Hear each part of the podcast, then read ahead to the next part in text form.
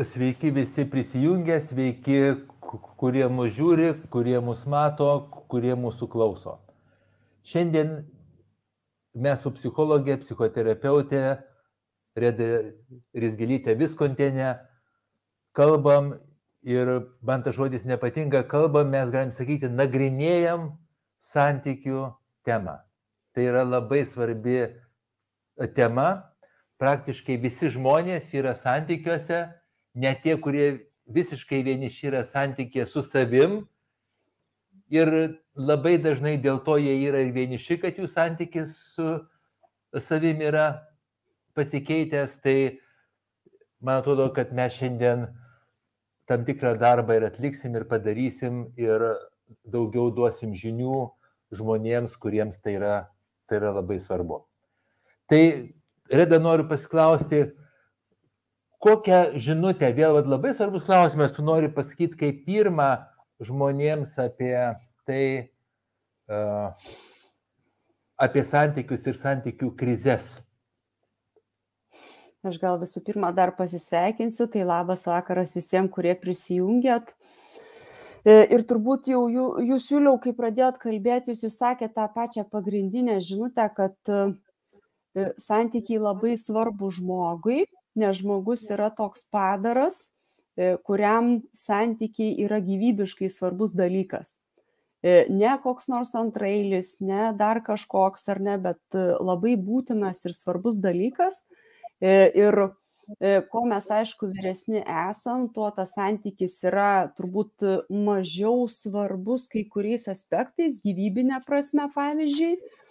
E, bet jeigu mes kalbėtumėm apie žmogaus kūdikį, ar ne, tai turbūt jau retai kada pasitaiko tokių žmonių, kurie nežinotų, kad jeigu mažo kūdikio neimsim ant rankų, neduosim jam šilumos, neturėsim su juo kažkokio tai labai aiškaus santykio, nereaguosim į jo emocijas, tai galim sutrikdyti e, ir jo e, raidą, ir gyvybinės funkcijas.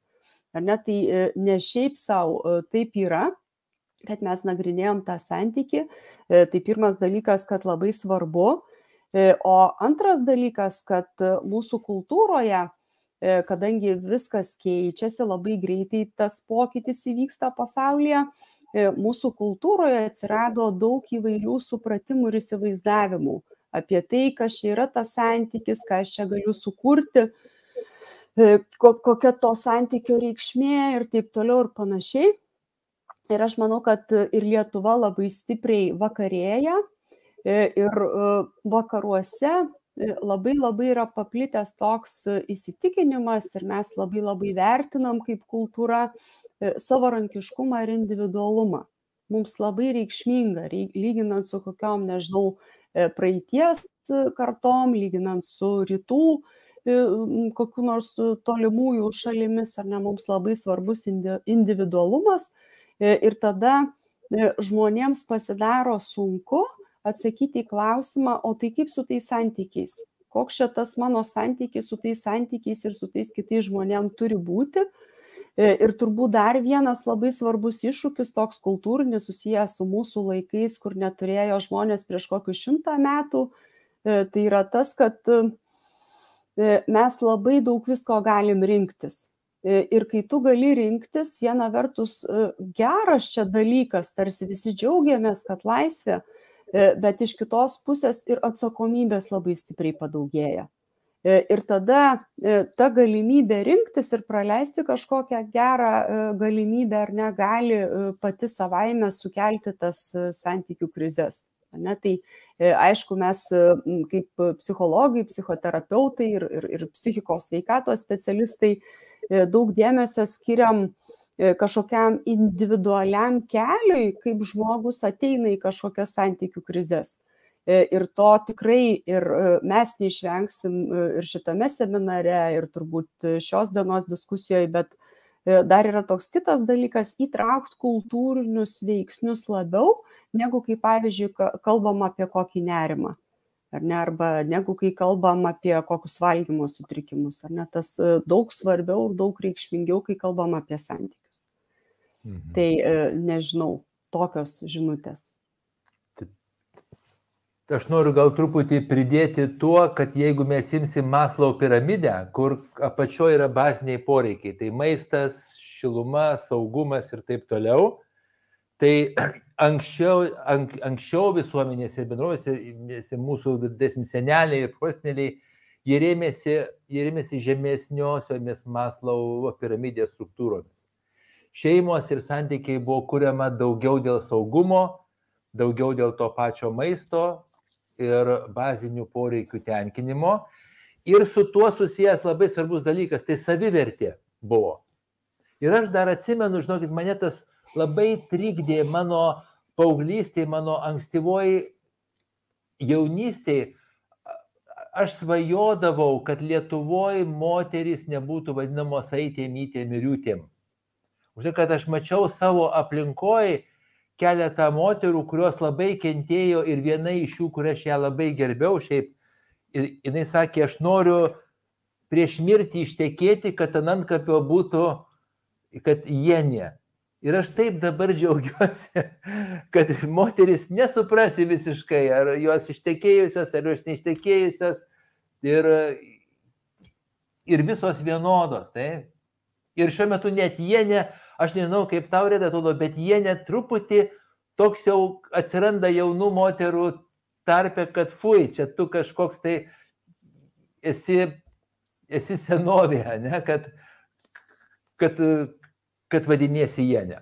Tai, tai tas yra labai gerai, kad santykiai yra kuriami ne iš tų bazinių poreikių, ne iš to, kad aš be santykio žūsiu ir, arba be santykio jausiu bevertis, Bet yra kita pusė labai svarbi, apie tai išnekėjau savo įraše, kad santykiai daug mažiau stabilus. Nes jie kuriami iš kitos, kad malonumo noriu gauti, kažkokio vien tik tai džiaugsmo, kažkokio tai hedonizmo. Tai jeigu mes kalbėsim apie santykius kaip poreikių tenkinimo priemonę, tai aš labai pritariu, kad santykiai yra poreikių tenkinimo priemonė. Ar ne? Tai santykių krizės yra poreikių krizės, iš tikrųjų. Santykių krizės įvyksta dėl to, kad tie poreikiai tampa nesuderinami kažkokiu būdu vienas ir kito. Ir netenkinami. Kaip tau atrodo, Rėda? E, jo, aš dar gal e, pridėsiu prie to, ką jūs pasakėte apie tas jienės, ar ne, ir tą tokį savęs vertės, ar ne, kad šiais laikais mes daug daugiau visokių dalykų e, talpinam į savo gerovę, ar ne? Ir iš tikrųjų aš manau, kad e, atsiranda aiškus įsisamoninimas, kad tapti jienę arba, tarkim, nežinau, susituokti vyrui, ar ne, ten pavardė nepasikeičia, bet vis tiek įgyti tą santoką e, tapo pasirinkimas.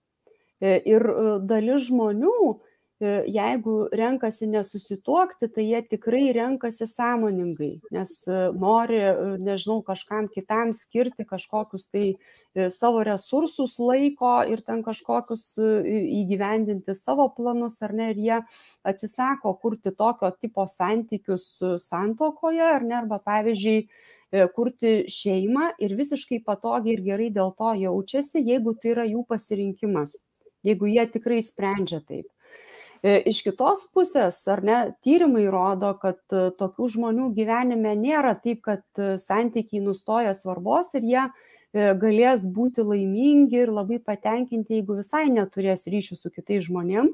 Ir tokie žmonės tyrimai rodo, kad jie investuoja į kitokius santykius, į draugų, į ten, tarkim, nežinau, profesinius santykius, dar kažkokius, ar ne, jie kuria kažkokias bendruomenės netgi dažnu atveju.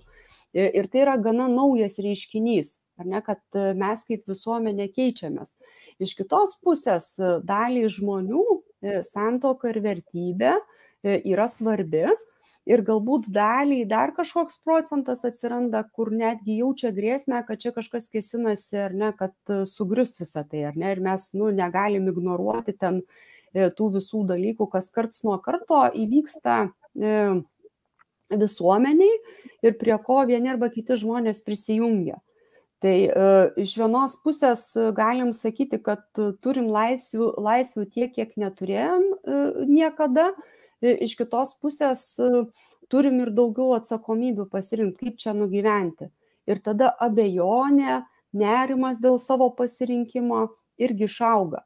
Ne, ir dėl tos priežasties klausytis e, tokių diskusijų e, yra tam tikra prasme, nes o ką tyrimai sako? Vat keičiasi viskas, o ką tyrimai sako, kaip tam žmogui geriau, ar ne, kaip, kaip jam ten e, būti tame.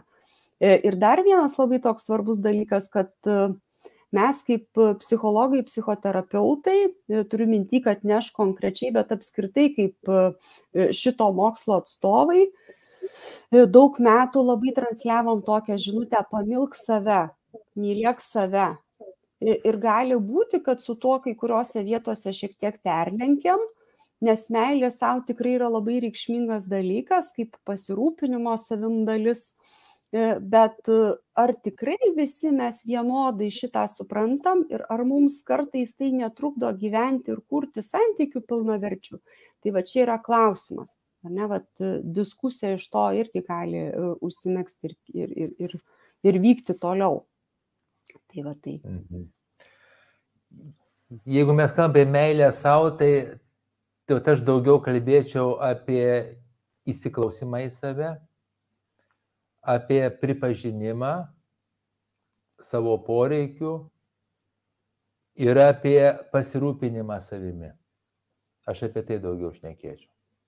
Bet jeigu apie meilę santykiuose, tai yra tyrimai, kurie labai aiškiai rodo daugybę tyrimų, kad kuo daugiau aistringos meilės, tuo mažiau santokos stabilumo.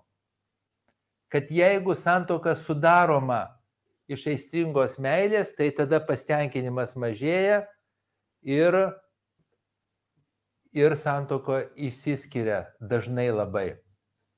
Kodėl taip yra? už tai, kad tai, ką mes vadiname meilė, dažniausiai yra įsimylėjimas. Tai nėra meilė, tai yra pirmoji meilės, meilės fazė. Tada mes vienas kitą idealizuojam, vienas kitame ir mes ignoruojam tuos skirtumus ir kažkokius nemalonius dalykus, tarsi nematom jų, užsimerkiam, aklitampam, aklosios dėmesio. Bet po to gyvenimas atveria mum akis ir jeigu mes kuriam uh, santyki iš tokio hedonistinio požiūrio, kad aš turiu tenkinti besalgiškai savo visus poreikius ir neturiu nei trupučio pasiaukoti ir išbūti su kito žmogaus, nežinau, kažkokiu tai, pasakysiu, su šypsina kvapu, taip, tai, tai tada ta santoka nėra, nėra stabili. Nes gyventi su kitu žmogum, tai ne tik tai mėgautis pranašumai šito gyvenimo ir privalumais, bet ir tam tikrais apribojimais ir trūkumais. Ir aš pastebėjau pas jaunus žmonės, pas labai jaunus žmonės šito labai pritrūksta. To įsipareigojimo išbūti ir tai, kas nėra, nėra labai malonu. Būtent. Nes tas įsipareigojimas ir užtikrina stabilumą, užtikrina augimą, užtikrina abipusį vienas kito stiprinimą ir to, galim sakyti, sąjungos vystimasi. Tai meilė, tikroji ta meilė, jeigu kalbėt, nes apie meilę aš esu daręs man ir seminarą, matau, tai tikroji meilė atsiranda po tam tikro laiko. Ir todėl, ir todėl aš matau teigiamų pusių jaunuomeniai, kad pagyvena kartu truputį, ne? Ir pajaučia tą ir perina į kitą fazę ir kai tikrai atsiranda tas poreikis įsipareigoti ir poreikis sukurti šeimą ne iš malonumo, bet arba ne iš kažkokio tenais nesaugumo, bet iš poreikis sukurti šeimą tam, kad vienas plus vienas būtų daugiau negu du. Tam, kad būtų galima kartu kurti, kartu gyventi, vienas kitam padėti, vienas kitą paremti, paskatinti ir džiuginti, kad tenkinti įvairiausius poreikius ir jie jau žino, kad ne tik tai malonumas, būna visko gyvenime, būna konfliktų, būna nepastenkinimo, būna kažkokiu tai sutrikimų, kitas būna pažeidžiamas arba aš būnu pažeidžiamas. Būna visko. Bet pranašumai ir mūsų įsipareigojimas leidžia vis dėlto patirti tą prasme ir vertę šito santykio. Tai aš taip Taip matyčiau. Mhm. Ir aš tikrai pritarčiau, kad mums kartais pritrūksta to supratimo apie įsipareigojimą ir netgi labai labai turbūt iš mados išėję yra galvoti apie tai, kad santykiuose bus ir aukojimosi kažkokio. Nes tas susijęs turbūt, aš taip galvoju ir, ir yra tokių pasvarstymų ir moksliniuose tyrimuose, kad praeities kartos galbūt perdėtai šitą darė arba bent jau demonstravo ir suprato savo gyvenime, kaip pavyzdžiui, pasiaukojimą vaikams ir tada jų gyvenime nebeliko kitų kažkokių tai sferų, o mes savo gyvenimui skiriam, nu kaip čia keliam didesnius tokius reikalavimus ir tikimės iš savęs, kad išlaikysim daugiau visokių dalykų. Ir jau tas pasiaukojimas toks tarsi, nu, kaip ir gali prieštarauti jau tai meiliai savo, bet jeigu aš esu santykyje, tai aš šito niekaip neišvengsiu. Aš būtinai turėsiu kartais atsižvelgti į bendrus, pavyzdžiui, santykių tikslus arba į šeimos tikslus, jeigu jau, tarkim, šeimą sukūrėm ir suderinti ambicijas, ar ne vieno žmogaus kažkokius tai asmeninius poreikius ir kito žmogaus asmeninius poreikius. Ir šitoj vietoj tikrai žmonėms reikia mokytis priimti, vat, kaip jūs sakot, ar ne, nebus vien tik tai malonumo ir apskritai čia turbūt susiveda dar ir į tą tokį žmogaus pori, polinkį dabartinio siekti laimės, ar ne, kur aš visą laiką turiu būti laimingas, ar ne, ir žiūrėk truputį nelaimingas, ką man dabar daryti, ar ne, tai, tai turbūt tas toksai nerealistinių įsitikinimų apie santykius, apie žmogaus gyvenimo būti,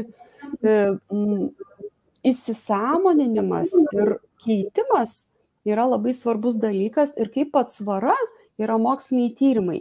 Kai mes klausom savęs, kada aš būsiu laimingas, kaip man atrodo, ar ne kokia mano vizija, ir kaip iš tikrųjų būna, kaip iš tikrųjų dauguma šeimų arba santykių sukūrusių žmonių pasidaro laimingais. Ar ne, kas ten, kas ten lemia, kokie ten tie veiksniai įtakoja vienus arba kitus dalykus. Tai aš irgi sutinku. Ir aš taip pat dar vat, grįžtant apie meilę, kad vėlgi, ar ne, kai mes remiamės ir supranta meilę savotiškai, nu taip kaip man čia atrodo, taip ir sakau, ir neklausiam, o tai kaip čia dabar vat, iš tikrųjų yra su ta, su, su ta meilė, tai ir prikuriam įvairiausių mitų ar ne? Ir tarkim, juk nesimokom žmogaus gaivinti, žiūrėdami gelbėtojų ten kokį serialą, ar ne, kur rodo gelbėtojus, kur žmogų gaivina. Tai lygiai taip pat ir apie meilę nereikėtų spręsti iš filmų arba iš knygų. Ir kartais yra gerų knygų, gerų filmų, kur labai realistiškai atskleidžia tos dalykus.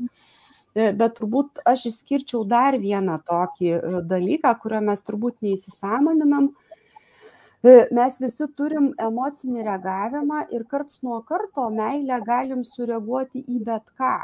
Nu, pavyzdžiui, pamatę kokį nors mažą šunytį, mes iškart imam ir sureaguojam meilės emociją. Kai pamatom kažkokį tai žmogų, mes taip imam ir susižavim jo. Ar ne? Ir gal ten truputį yra kažko panašaus į meilės emociją. Bet tai dar nėra tas tvarus dalykas, ką mes vadinam partnerišką meilę. Ir meilė tai vadinasi dėl to, kad turbūt greta įsipareigojimo, greta kažkokio tai, kur mes veikiam kaip sistema ir aukojam savo asmeninius poreikius dėl bendrų santykių tikslų, atsiranda dar šiltas santykis tarp žmonių, kuris jau yra labiau kūrimo rezultatas, nei kad kažkas, ką savaime va taip ir gauni. Kaip pavyzdžiui, emocija, kaip meilė, ar ne, tai pamačiau, ar ne, ir didelė tikimybė, kad įsiskyrė kažkokios medžiagos arba aš tiesiog pasižiūrėjau biologiškai užprogramuota, kaip ir į kokią baimę sureaguoti, ar ne, atsitraukiant. Tai, tai tiesiog tikslumas ir supratimas tų savokų yra vienas iš kelių, kaip aš galiu paskui orientuotis ir kurti gerus santykius. Taip. Aš siūlau keisti, keisti žodį ir keisti terminą.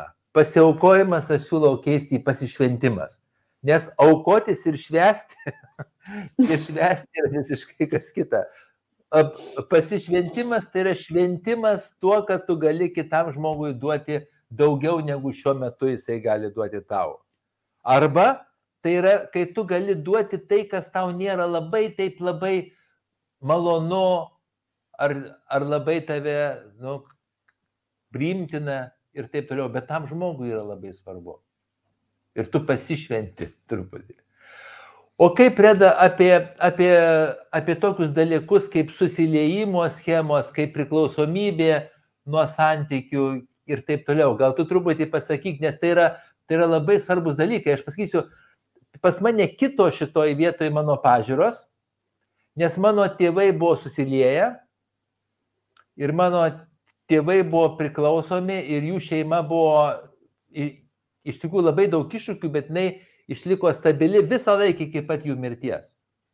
Ir aš labai vertinau visą laiką ypatingai vaikystėje ir ypatingai paauglystėje tą susiliejimą, tą tokį uh, priklausomybę vienas nuo kito, labai vertinau kaip didžiulį gėrį. Ir paskui mes matom, kad psichologijoje, psichoterapijoje, kad tai nėra jau toks visiškai gėris. Ir man teko gana plušėti, kol aš, kol aš keičiau savo, savo nuomonę, kad tas susiliejimas jau nėra toks geras dalykas. Ne? Tai kaip tu žiūrai, kaip tu žiūrai į šitą reiškinį? Mhm. Čia turbūt dar vienas toks svarbus klausimas apie tą priklausomybę ir e, vėlgi pradėkim nuo tokio plataus dalyko. Mes visi kažkaip esame vieni nuo kitų e, priklausomi E, ir praktiškai neįmanomas toks dalykas, kad ir koks idealas tai būtų, neįmanomas toks dalykas kaip visiška nepriklausomybė nuo kitų žmonių. Nes net jeigu gyvenu vienas, e, aš sėdžiu prie stalo, kurį pagamino kažkoks žmogus greičiausiai. E, aš dirbu prie interneto, kažkas sukūrė ar ne, e, aš nusipirkau iš kažko maisto, ar ne, kažkas tą maistą užaugino. Tai čia taip e, toks labai platus dalykas, kad mes visą laiką esam susiję tarpusavio e, santykiais ir vakarų visuomeniai reikia jau dabar mums to orientyro, ne, tai kaip čia dabar priklausyti tame santykėje, kaip čia būti. Ir jeigu kalbam apie partnerystę, apie E, šeimos kažkokį tai kūrimą arba tiesiog jeigu yra santykiai, tai e, galim kalbėti apie tokius du dalykus. E, ir kai buvo pastebėta ta tokia asimetrija, kad daug žmonių pradeda kentėti dėl nesupratimo, kaip čia būt man tame santykėje, būti priklausomu ar ne, atsirado ir mokslininkų, kurie tyrinėjo šitus dalykus. E, ir vienas iš tokių mokslininkų yra Robertas Bornsteinas ir jisai sakė, kad, e, žinot, priklausomybės neišvengsim, e, bet klausimas, kokio tipo priklausomybė tai yra - konstruktyvi ar nekonstruktyvi. Ar ne? Ir mes siektumėm tos tokios jau konstruktyvios priklausomybės ir kuo jinai skiriasi nuo nekonstruktyvios priklausomybės. Tai kad čia ir išlenda va tie visi susiliejimo schemos arba kažkokie tai E, stipraus nerimo kažkoks patyrimas ar ne prieraišumo jausmo kažkokio nesaugaus susiformavimas, e, savęs vertinimas. Ar ne? Ir iš to išauga nekonstruktyvi priklausomybė, kurią šitas autorius išskiria ten daugiau bruožų tos nekonstruktyvios e, priklausomybės, bet vienas iš labai svarbių dalykų, kad žmogus pradeda galvoti, kad tik tai su šitu vienu žmogumu aš galiu būti E, tiktai šitas santykis ir jeigu šito santykio netaps, ne, neteksiu kažkokiu tai e, kažkokiam aplinkybėm ar ne, tai bus labai blogai. Mano gyvenimas e, iš esmės pasibaigs. Ir jeigu tai yra konstruktyvi priklausomybė, tai kaip taisyklė tas žmogus supranta, kad aš labai kentiesiu, jeigu neteksiu to santykios, jis gana realistiškai gali įsisamoninti, kad santykis yra labai svarbus E, bet dauguma tų žmonių skiria laiko ir kažkokių kitų resursų kitiems socialiniams santykiams sukurti. E, ir jie išvysto santykiai, nežinau, su, su kilmės galbūt šeima, jeigu ten yra brolių, seserų, e, su draugais, su profesinė grupe. Ir tada tas santykis tų tarpusavio žmonių nebėra toks adiktyvus ar ne? Aš visą laiką tiktai santyky su šitu žmogum turiu būti.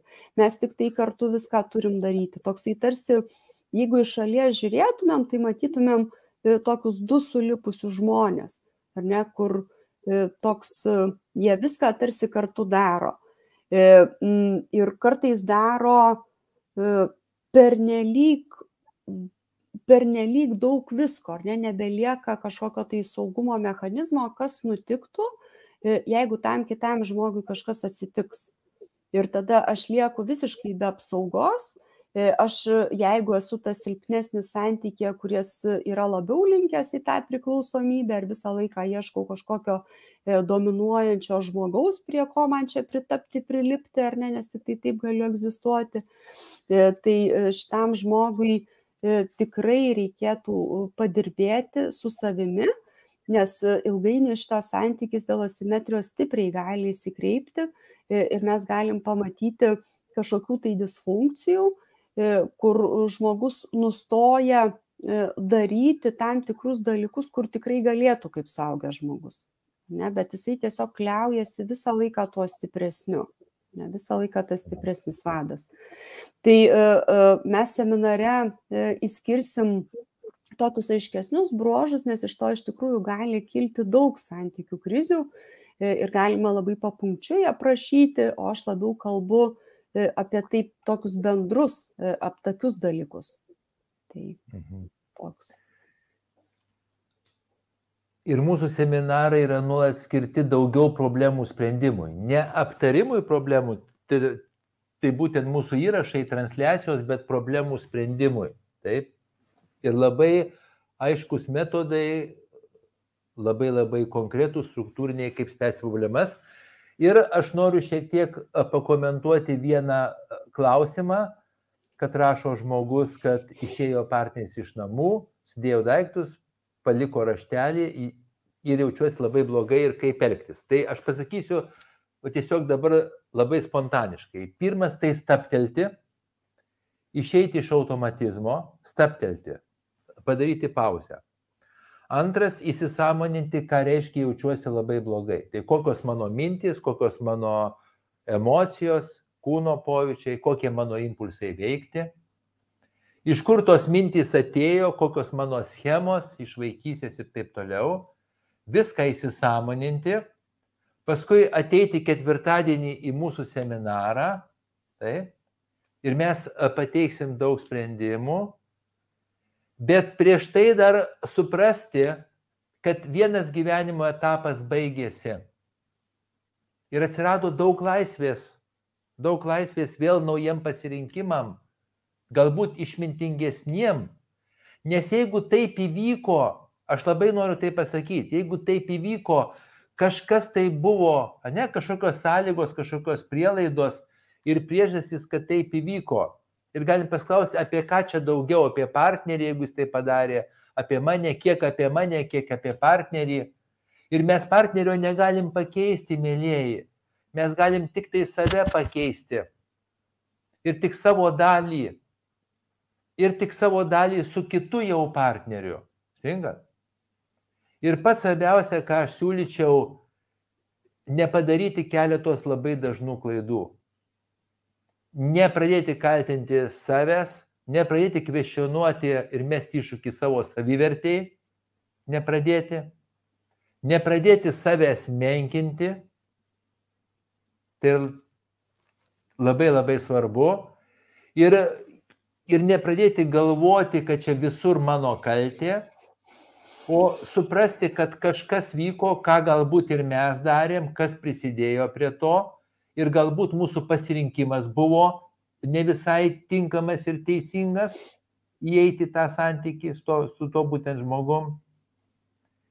Ir paskui pasimokyti, padaryti išvadas ir atsiverti naujam santykiui. Nepadaryti klaidos, kad nėra vyrų arba nėra moterų arba nėra galimybių arba aš kažkoks tai esu defektuotas. Ne kiekvienas norintis turėti santykį tikrai gali atrasti santykį. Taip. Tai, bet tam reikia tam tikrų įgūdžių. Tarp kitko, santykiai gaila, bet mokyklose nemoko, aš jau daug kartų tą sakau, nemoko labai svarbiaus dalyko - santykių. Santykių psichologijos, santykių metodologijos, santykių įgūdžių, kas labai svarbu. Ir vaikai dabartiniai pas mane dvi dukros paauglės, aš labai skatinu jas kuo daugiau santykių ir tame tarp ir su, ir su vaikinais jos dukros. Nes tik taip jos gali išmokti, tik taip gali bendrauti. Tik taip gali pajausti save tame santykėje, savo poreikius, savo galimybės, savo kažkokius tai norus, savo impulsus. Taip. Tai perdudu redai. Mhm. E, aš irgi sutinku ir dar klausydama pridėčiau, kad e, atsisakyti tokio nebūtinai šitam žmogui būdingo, bet e, apskritai vyrančio tokio mito, fatališko tokio, tarsi yra vienas vienintelis man skirtasis ar ne, tai e, turbūt neegzistuoja toks dalykas, ar ne, ir moksliniai tyrimai sako, kad e, žmogus tikrai gali sukurti ir antrus, ir trečius santykius, kurie e, bus laimingi, sėkmingi, e, bet e, išmokti pamokas e, yra svarbu. E, padėkoti tiems santykiams už tai, kad e, man davė tam tikrų pamokų. E, ir vėlgi, jeigu aš pastebėjau, kad aš ypatingai kenčiu dėl to, kad šitas santykis nutrūko, e, tai čia tikrai gali būti, kad e, man būdinga ta tokia nekonstruktyvi e, priklausomybė ir aš pernelyg daug visko sudėjau tik į vieną tą santykį. Ar ne? Ir turbūt ne visai iki galo konstruktyviai dėjau tas pastangas, jeigu tas santykis nutrūko, arba kaip jūs jau minėjot, gali būti, kad aš pasirinkau netinkamas, netinkamą partnerį santykiams, ir turiu pastebėti, ką aš pražiūrėjau, ar ne, kur čia e, buvo klaida. Ir paprastai, jeigu e, žmogus e, kreipiasi psichoterapijos po to, kai jo santykiai nutrūko, tai visą šitą darbą jisai turi atlikti, bet aš manau, kad žmogus ir savarankiškai tą darbą gali atlikti. Ne, pagal tam tikrus požymius, pagalvojimus, ar ne, kur aš čia indėlį įdėjau, kur kitas indėlį įdėjau. Tai. Jo, tai jeigu mūsų santykiai nutrūksta ir mes nesidžiaugiam, bet, ke, bet kenčiame, nes būna, kad mes ir džiaugiamės, fu, palengvėjo, pagaliau, ne?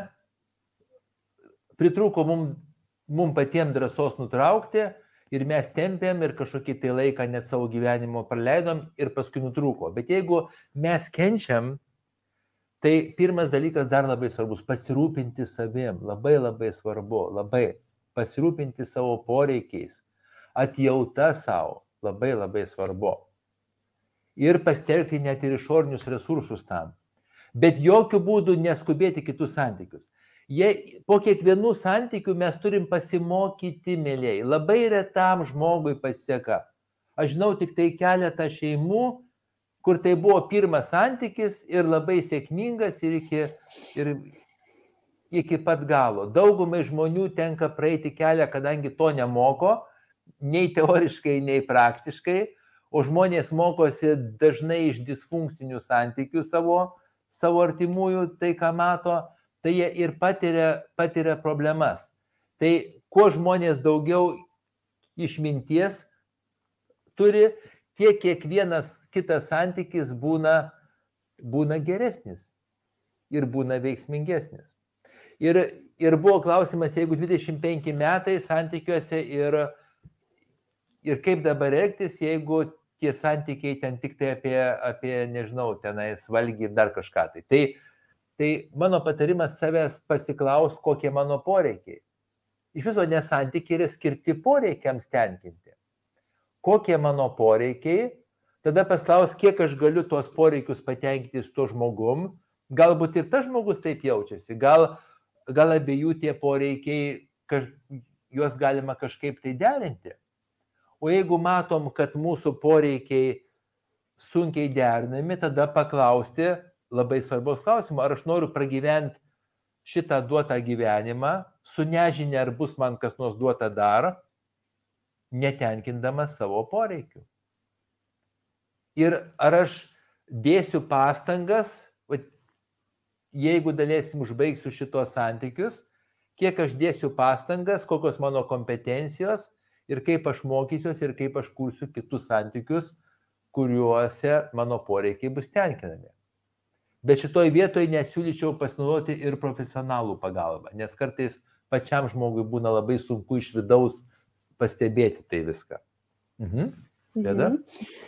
Ir čia dar reiktų pridėti, kad su tuo e, poreikių tenkinimu irgi turėtų būti balansas ir mes turėtumėm suprasti, kad e, vienas žmogus, mūsų partneris, nu negali visų poreikių mano patenkinti. Net jeigu tai yra, e, nežinau, emo, emociniai ryšio poreikiai, vis tiek vienam žmogui tai yra pernelyg didelė našta kad jisai ir žaidimų draugas, ir, ir rėmėjas, ir išklausytojas koks, ir stabil, stabilaus prisirišimo figūra.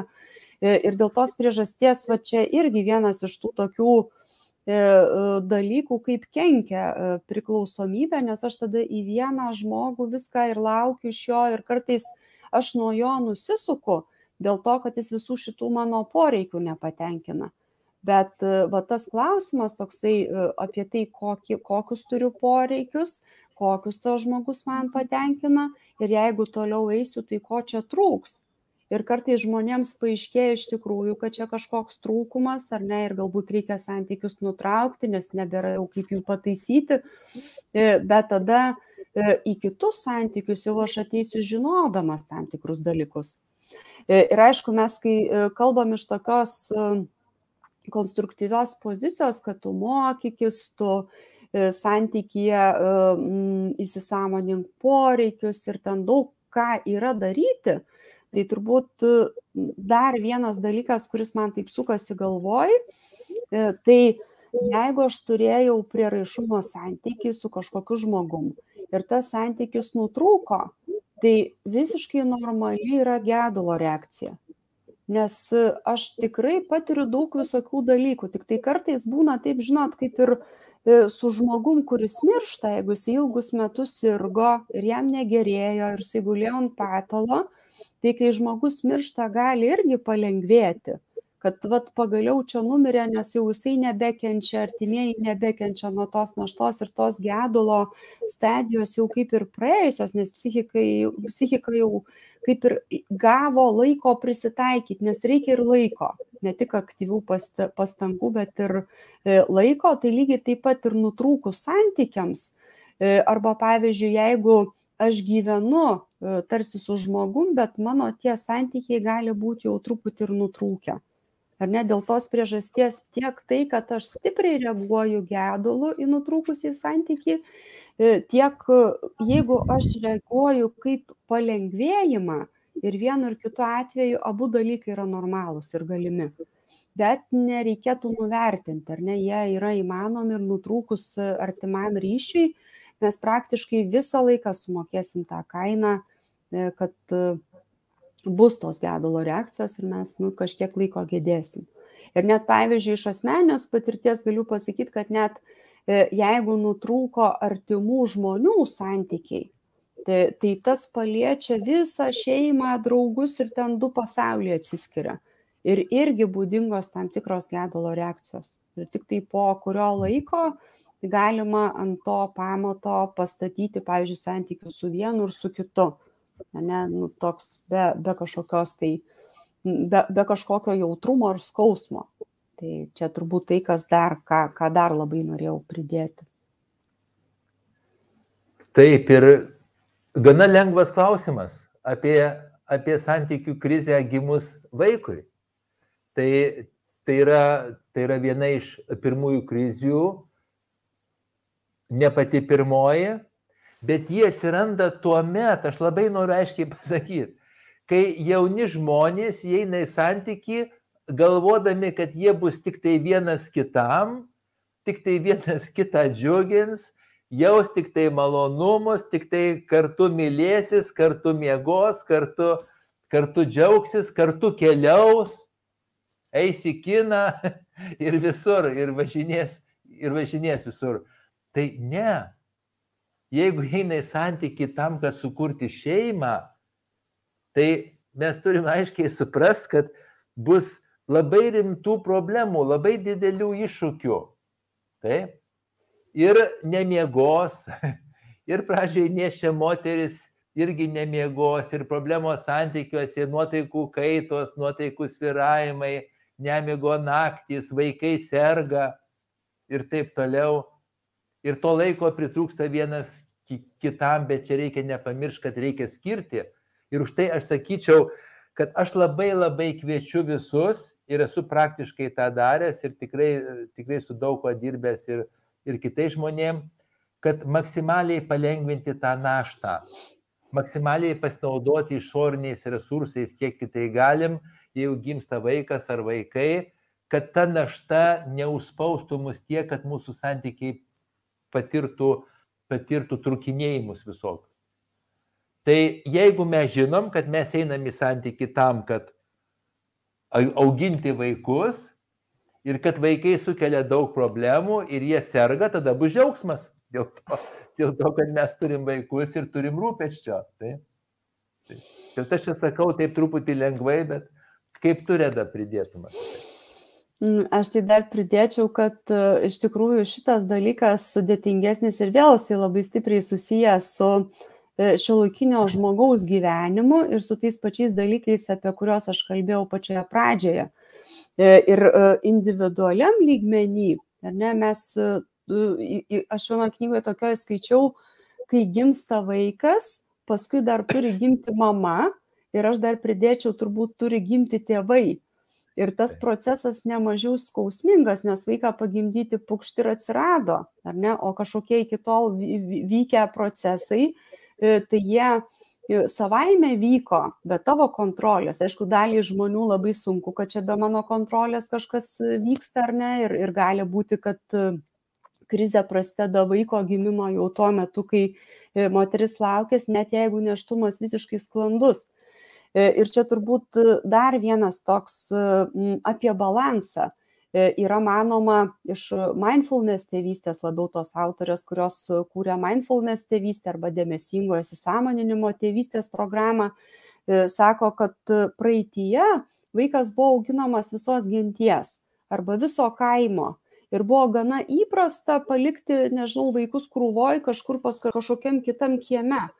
O dabar e, dauguma e, tėvų e, renkasi vaiką auginti po vieną ir jie susiduria su psichologiniais iššūkiais, bet dažnu atveju gali būti, kad ir iššūkis fiziologinis, ar ne, atlaikyti ir dviems pasi, pasirūpinti, o jeigu dar vienas būtinai turi eiti dirbti, o jeigu dar kitas greitai turi išeiti ir kažkokios darbo funkcijas truputėlį pradėti vykdyti, tai tą įgyvendinti labai sudėtinga.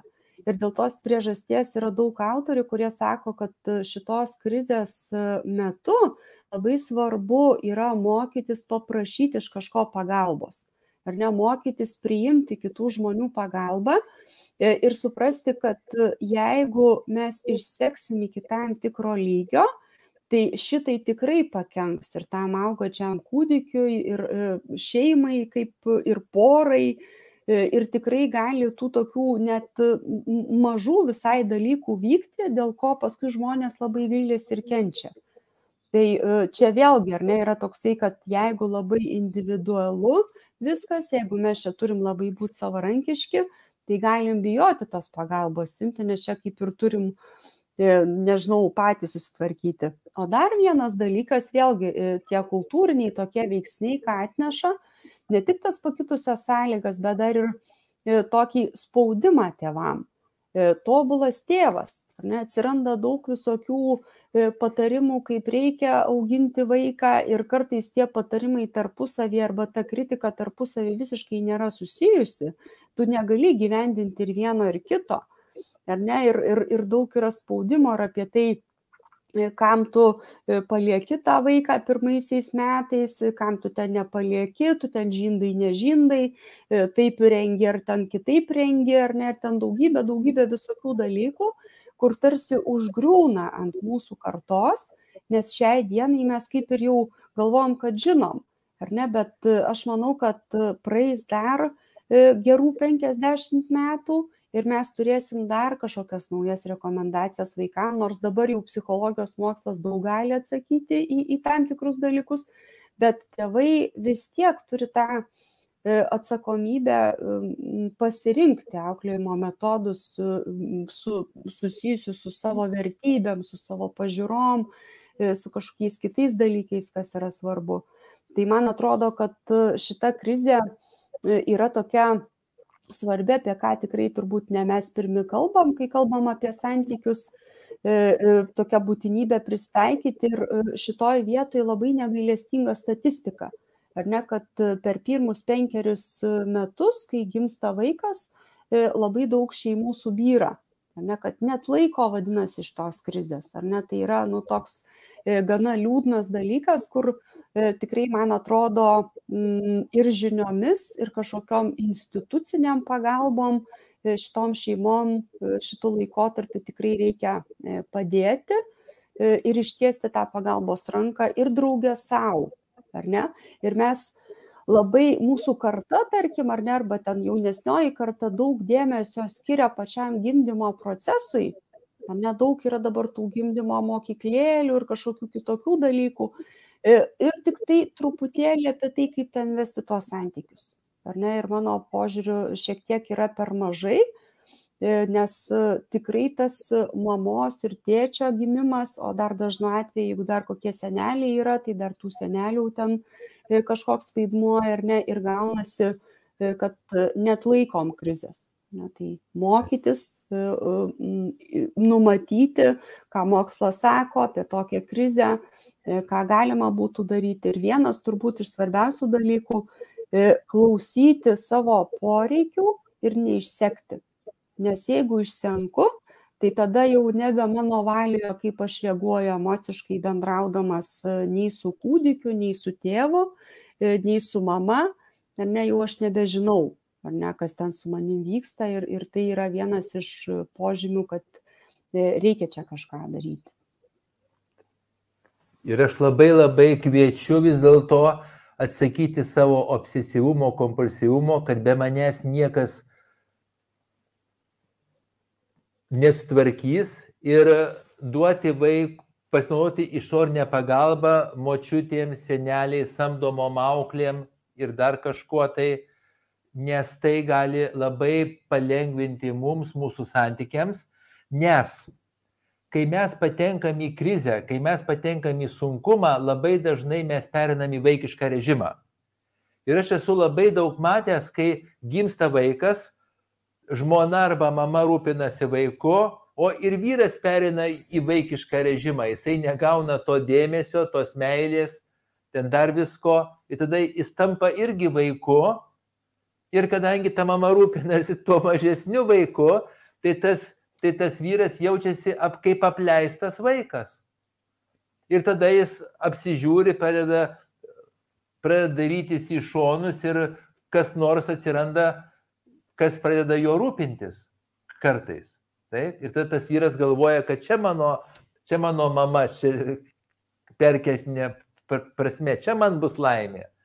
Bet kai jisai sukuria tą naują laimę, pasiekmės buvusios laimės jau yra, jau yra visokios ir finansinės įsipareigojimo ir psichologinės, tuoj pat atsiranda dar naujos pasiekmės ir problemų daugėja.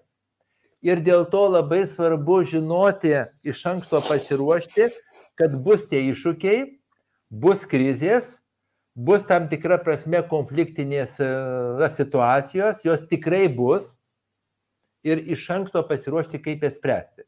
Tai mes aptarėm vieną krizę, kurią mes galime numatyti, kuri tikrai bus. O kokios dar yra krizės, kurias galim iš anksto numatyti? Vėlgi, jeigu jau gimė vaikas, ar ne, tai galim numatyti, kad vaikas auks ir visą laiką bus iššūkis, ar ne, visą laiką seni būdai nebetiks ir visą laiką reikės naujų. E, nes e, jeigu e, Lietuvoje šiaip gana ilgos motinystės atostogos, ar ne, tai dalis mamų renkasi būti ir auginti vaiką, ar ne, bet tada atsiranda mamos į darbą išėjimo krizė vaiko į, darželio, į darželį išėjimo, išėjimo krizę ir pavyzdžiui šituo laikotarpiu aš auginu penkerių metų savo sūnų ir aš labai daug vilčių sudėjau į darželio lankymą, kaip pavyzdžiui, ar ne, jisai dvi dienas išeina palanko ir vėl serga.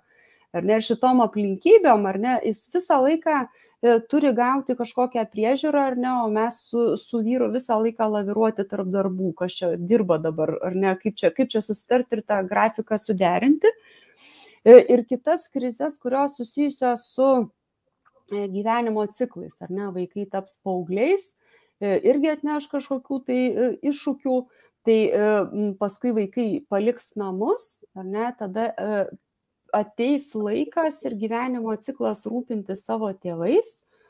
E, arba e, dar krizė gali būti, kaip integruoti senelius ne, į tą šeimos gyvenimą, kaip nubrėžti ribas, e, kokios tos ribos turi būti, ar labai griežtos, ar kažkokios lankstesnės, ar ne, nu ten daugybė dalykų, kuriuos mes galim numatyti Ir šio laikinės šeimos turi dar tokias krizės, nes mes vis tiek negalim ignoruoti to fakto, kad e, panašiai 50 porų, e, kurios sukuria šeimas, e, santokas, įsiskiria. Ir dėl tos priežasties, tarkim, čia jau gal aš taip jau kruopšiai tos statistikos netikrinau, bet asmeniškai, kiek kalbu, pavyzdžiui, su mokytojom pirmokų, tai labai didelė dalis vaikų gyvena jau antrose santokose. Ir tada yra krizė, kurią aš turiu vat, suderinti ar ne tų visų kelių šeimų gyvenimą ir tų kitų, vienų ir kitų vaikų e, auklėjimą. Ir tai irgi yra, jau mes nebegalim sakyti, kad tik tai kartais taip nutinka. Tai yra kažkas, ką irgi galim e, truputėlį ir nusimatyti ar ne, nu kaip pagalvoti, kaip čia įsiskirsim. Baisiai skamba, ar ne, bet tai, taip nutinka, ne, negalim iš to nesimokyti. E, ir šalia šitų krizių, kurias galim numatyti, e, dar yra e, visas spektras tų krizių, kurios irgi turbūt jau būdingos ne tik šio laikiniam žmogui, bet kalbam apie, nežinau, jau antikos laikais E, pavyzdžiui, buvo kalbama apie paviduliavimą ir tai, kad kai kurie žmonės yra labiau linkę e, paviduliauti santykyje e, ir iš to iš tikrųjų gali susikurti krizę. Arba neištikimybė. Ne, kitas dalykas, po kurio senos, seni modeliai, kaip mes elgėmės, kaip mes gyvenom, nebetinka ir iškyla labai daug dilemų ne, kad e, mes vėlgi dėl tos e, galimybės, kad galim įsiskirti e, vienu arba kitu atveju, iškart prisim turim ir atsakomybę, kaip čia pasirinksim, ne, kaip čia bus toliau, kaip mes čia su tais santykiais būsim.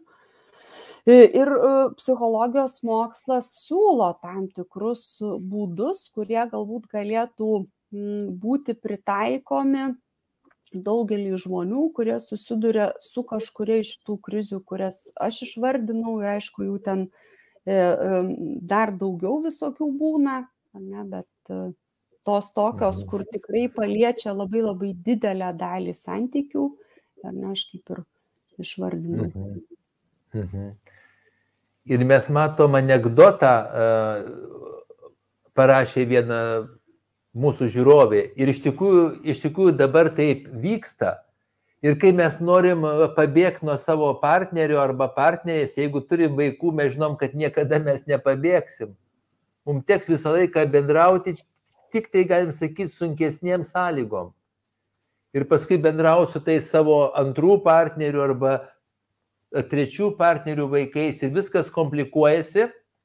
Už tai aš esu šalininkas, esu šalininkas. Mokymosi. Vis dėlto rinktis partnerius atidžiau ir labai gerai žinant ir pažįstant save, ir pažįstant žmonės, ir pažįstant tą trokštamą lytį, ir žinant savo poreikius, savo įsipareigojimus, savo galimybės, savo stiprybės, savo silpnybės, savo asmenybę, labai viską įvertinus, ir kad įsimylėjimas vis dėlto jis yra labai svarbus ir geras dalykas, bet kad jisai neužtemdytų mūsų tam tikro racionalumo. Nes ne su įsimylėjimu mums reikės gyventi, su įsimylėjimu mums reikės gyventi tik tai, nu, maksimum tris metus su įsimylėjimu. O paskui mums, mums teks visą laiką gyventi su įsipareigojimu. ir su būtent racionalumu ir su būtent mokėjimu gyventi, ne kad vien tik tai, kad va taip gausis pats savaime.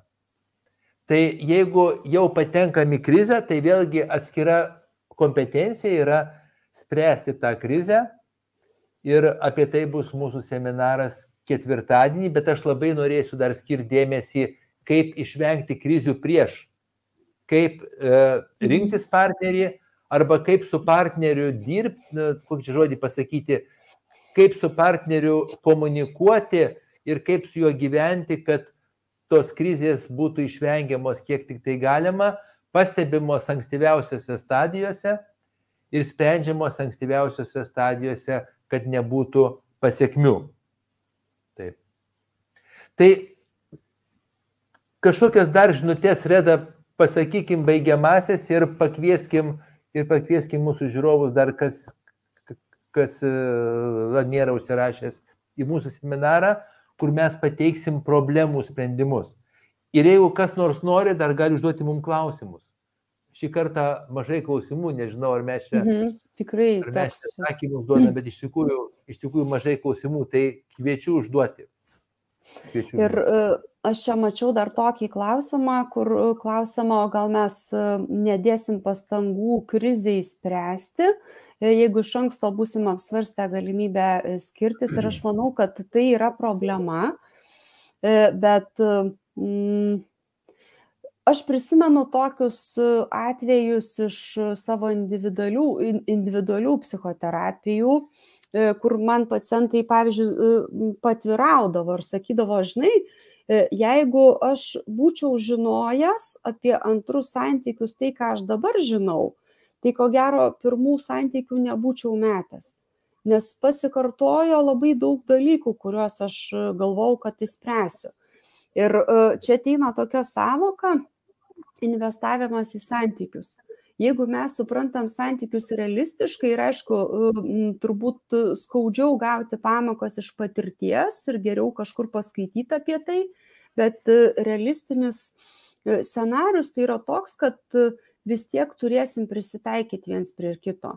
Ir jeigu tinkamai komunikuosim, mes sukursim labai gerą santykį, mes labai gerą sukursim sąjungą, E, kur mes iš tikrųjų įdėję būsim labai daug pastangų ir laiko, emocijų ir ten visokių kitokių dalykų. Jeigu jau sukūrėm tą gerą santykį, nes greičiausiai viskas e, nesėjo kaip sviestų patepta ir tada nebenorėsim tokio santykio atsisakyti, nesuprasim, kad su kitu žmogu mes turėsim padaryti lygiai tą patį dalyką, o nėra taip malonu nu, nė, nėra ta, tuos kampus vadinamuosius glūdinti, dėl to, kad jeigu realistiškai matom e, santyki, tai mes suprantam, kad gana daug turiu įdėti pastangų, kad tą kitą žmogų pažinti.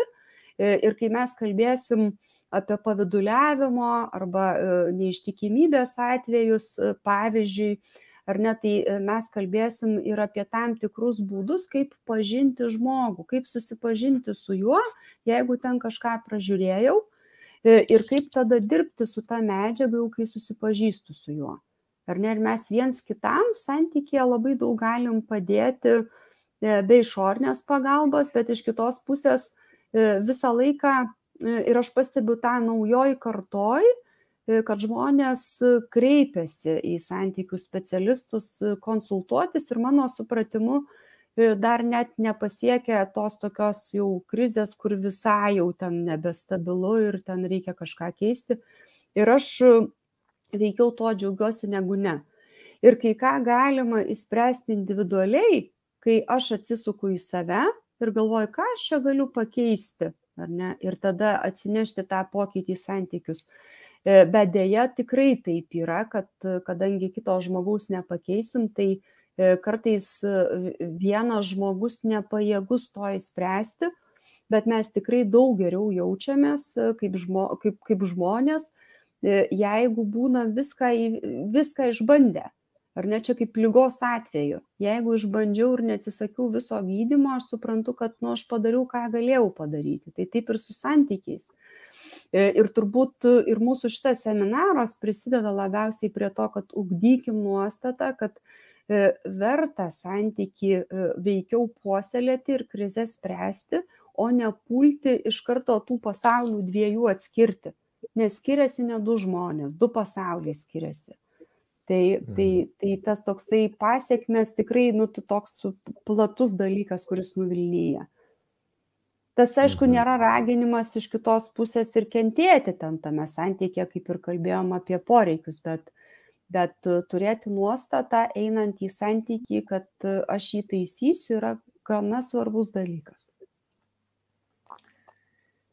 Mes turim du dar klausimus, tai aš atsakau apie vyrų vidurio amžiaus krizę. Tai man šis dalykas toks, e, sakyčiau, senoviškas, nes anksčiau būdavo tai vadinama, bet šiuo metu aš nelabai žinau, ką mes vadinam tą vidurio amžiaus krizę. Nes čia, čia labai priklauso, kokį mes įdedam e, turinį tai, bet labai dažnai, tai kai mes tai sakom, tai yra, tai yra vyro būsena, kai jis pastebi, kad jo seksualinis gyvenimas tapo rutininis, kai jisai pastebi, kad jo seksualinis gyvenimas ir jo žmona ir jo partnerė mažiau įjaudina, kai jis pastebi, kad e, kažkokios kitos moterys, jau kalbam apie heteroseksualius santykius, tai kitos moterys įjaudina daugiau, kai jam tampa kažkas tai atsibodę, kai jis nori naujų kažkokių stimulų, kai, kai jo savivertės jausmas truputį pradeda sviruoti, kai jisai pradeda supras, kad ne viską gyvenime jam taip gavosi atlikti, kaip jisai norėjo. Ir pas jį atsiranda šiek tiek depresijos, šiek tiek irzlumo, šiek tiek nepastenkinimo, šiek tiek nepasitikėjimo, šiek tiek pykčio. Tai jeigu mes kalbam apie tai, jeigu mes kalbam apie tai, tai siūlau šitas problemas gydyti vaistais, nuo ko sergi, tuo ir gydytis. Taip? Tai aš siūlau toj poroj ieškoti stimulų seksualinių, ne, ir tai galima, taip.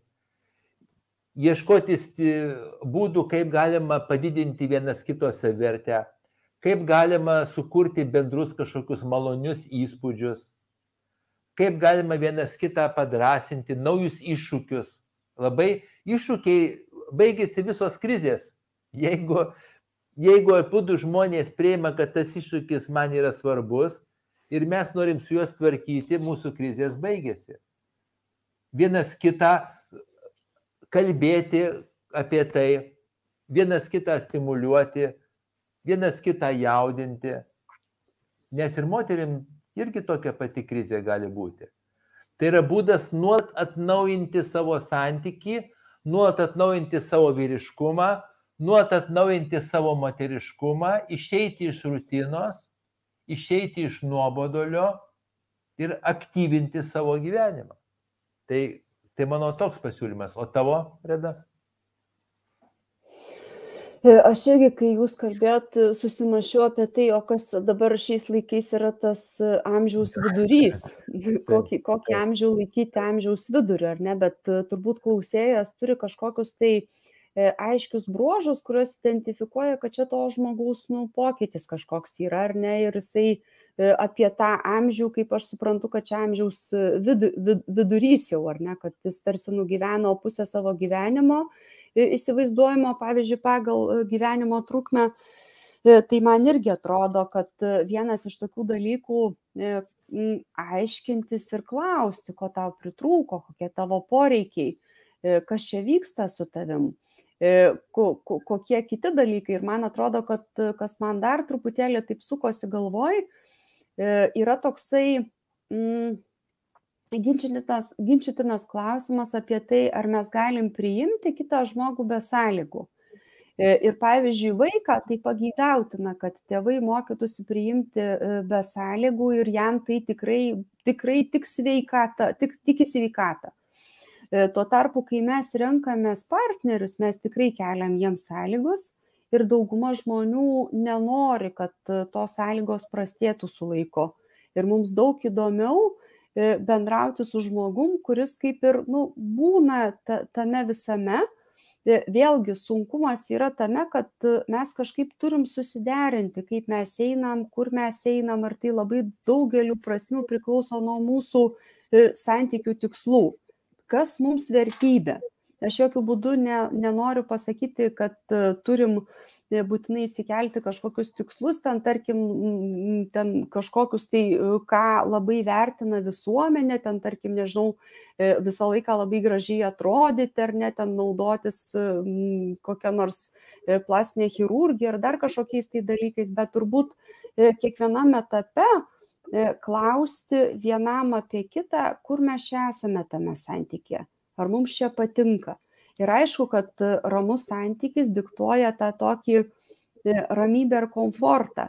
Ir aš galiu pats nepajusti, e, kad jau paleidžiu tuos visus savo kažkokius tai turėtas, kažkokias turėtas savo savybės, ar ne, ir kitam žmogui tiesiog pradeda būti sunku su manim. Nes jeigu asimetrija įsivyrauja santykėje, tai tas santykis patirs e, kažkokią tai krizę vienokiu arba kitokiu būdu. Tai e, turbūt vienareikšmio atsakymo apie e, santykių krizės nelabai, apie tą amžiaus vidurio krizę tikrai nėra suformuota ypatingai šiais laikais. Mhm. Jeigu mes kalbame apie seksualumą, tai Tai iš tikrųjų seksualumas jisai remiasi mūsų fantazijom, ne savo. Tai, tai jeigu jau mes 20 metų esam seksualiniam santyki arba kažkiek ir jisai tapo nuobodus, tai mes galime jungti savo fantazijas. Nes iš tikrųjų ir realybėje irgi yra labai daug fantazijos realybėje. Ir panaudoti fantaziją savo seksualiniam santykiui atnaujinti. Ir mes turim e, klausimą, kiek pažinti žmogų reikia, kiek užtrunka pažinti žmogų. Gerai? Mhm, kiek, kiek užtrunka, aš irgi mačiau tą klausimą ir net jį pasižymėjau, kiek užtrunka e, pažinti žmogų, aš manau, kad e, nelaikas sprendžia šitą dalyką. Ne pagal laiką mes galim pamatuoti, ar aš jau čia tikrai pažįstu tą žmogų ar ne. Ir dauguma žmonių sunkiai atsakys į klausimą, ar aš tikrai save pažįstu. Ir jie gali manyti, kad labai save pažįsta, bet paskui paaiškės, kad nelabai. Ar negali susidurti su kažkokiais dalykais, kur patys save nustebina. Bet e, man atrodo, kad yra e, tam tikrų būdų ir kalbėjimosi e, krypčių, kurios padeda geriau pažinti žmonės. Ir man atrodo, seminare apie meilę, kuris vyko, ten buvo daug tokių klausimų, ko aš galiu paklausti, e, kad įsiaiškinčiau daugiau apie tą žmogų. E, ir antras aspektas, kad emocinį ryšį mes galim vystyti tada, kai e, prieš kitą žmogų truputėlį galim apsinuoginti, ar net truputėlį atskleisti kažkokią savo emocinės patirtis, savo skaudulius, kažkokius kitus dalykus. Ir čia jau toks nuo mūsų individualaus patyrimo ir gyvenimo istorijos priklausantis dalykas. Ir kai kurie žmonės gyvena po vienu stogu, sukuria santykius, bet gali viens kito labai stipriai ir nepažinoti dėl to, kad beveik niekada neatsiskleidžia. Tai dėl tos priežasties toks mm, turbūt ne pagal laiką, bet pagal kryptis. Ir mes šito seminaro metu tai labiau esam numatę E, ko klausti, ką daryti e, tuo metu, kai ištinka krize. Kaip tą krizę įspręsti ir toks mūsų fokusas ir mes turbūt daugiau atsakysim e, į šitą klausimą. Bet šiek tiek, mes šiek tiek skirsim laiko ir krizės prevencijai. Bet aš dar pridėčiau, kaip pažinti žmogų, tai patirti kuo daugiau iššūkių. Jau kalbant apie jaunus žmonės, kurie užmesga santyki ir dar nėra įsipareigoję arba nėra stuokę, tai aš labai patarčiau gauti įvairių patirčių, išvykti į kelionę kažkokią, kur yra sunkumų, kažkur tai e, dirbti kažkokius tai darbus. Žodžiu, ten, kur nėra viskas taip paprasta ten ir atsiskleidžia tie bruožai, kur reikia padėti vienas kitam. net žaidimų yra sukurta, kur, kur yra stalo žaidimai judesių santykiams, kur, kur matosi, kai pradeda vienas dominuoti arba kitas pradeda konkuruoti ir, ir taip toliau. Tai, tai kuo daugiau būti įvairiuose situacijose, kurios provokuoja pačios savaime žmogaus asmenybės atsiskleidimą. Ir pasakysiu jums su šypsena, bet anksčiau buvo žinomas būdas nugirdyti potencialų jaunikį ir pažiūrėti, kaip jis elgsis girtas. Ir tas, būda, ir tas būdas kartais pasiteisindavo. Nesiūlau šito būdo plačiai labai taikyti, bet jis irgi gali. Tai duoti iššūkį kažkokį, kuris, kuris išryškins mūsų asmenybės. Ir apie, apie Dievą ir apie vyresnę žmoną.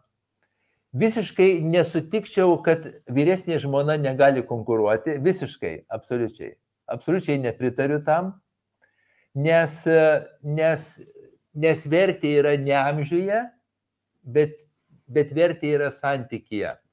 Tai, tai mano nuomonė ir vyresnė žmona, ir net vyresnis vyras tikrai gali konkuruoti. Bet labai labai pritariu pirmai komentaro daliai, kad jeigu žmonės atranda bendras vertybės, kaip pavyzdžiui, kaip pavyzdžiui sakomas Dievo paieškas, tai labai labai sujungia tos žmonės. Bet kokios vertybės, kurios yra bendros, kurios skatina veikti, kurios skatina irgi įsipareigoti, jos yra labai naudingos.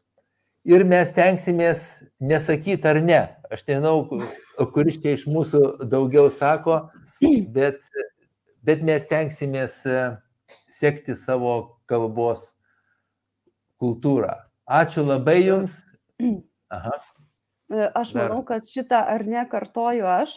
E, ir šiaip dėkui už pastabą, bet ne taip lengva šitą šiukšlę kalbos išmesti. tai, tai tiesiog taip jau yra kol kas čia mano toks netobulumas. Gerai. Gerai, kad tik tai toks būtų. Tai, tai dėkui tau, Reda, labai, labai labai dėkui visiems, kurie, kurie nori kurti geresnius santykius, kurie nori gyventi geriau. Labai dėkui, kurie ateina į mūsų seminarus ir parema mūsų nemokamą visą turinį ir nemokamą mūsų darbą, kurio yra ženkliai, ženkliai daugiau. Ir eikim į priekį. Ačiū labai. Mhm. Iki. Dėkui Jums, Juliau, dėkui tiems, kurie prisijungė, kur, kurie uždavėt klausimus ir iki kitų kartų tikėsimės. Iki. Mhm. Iki.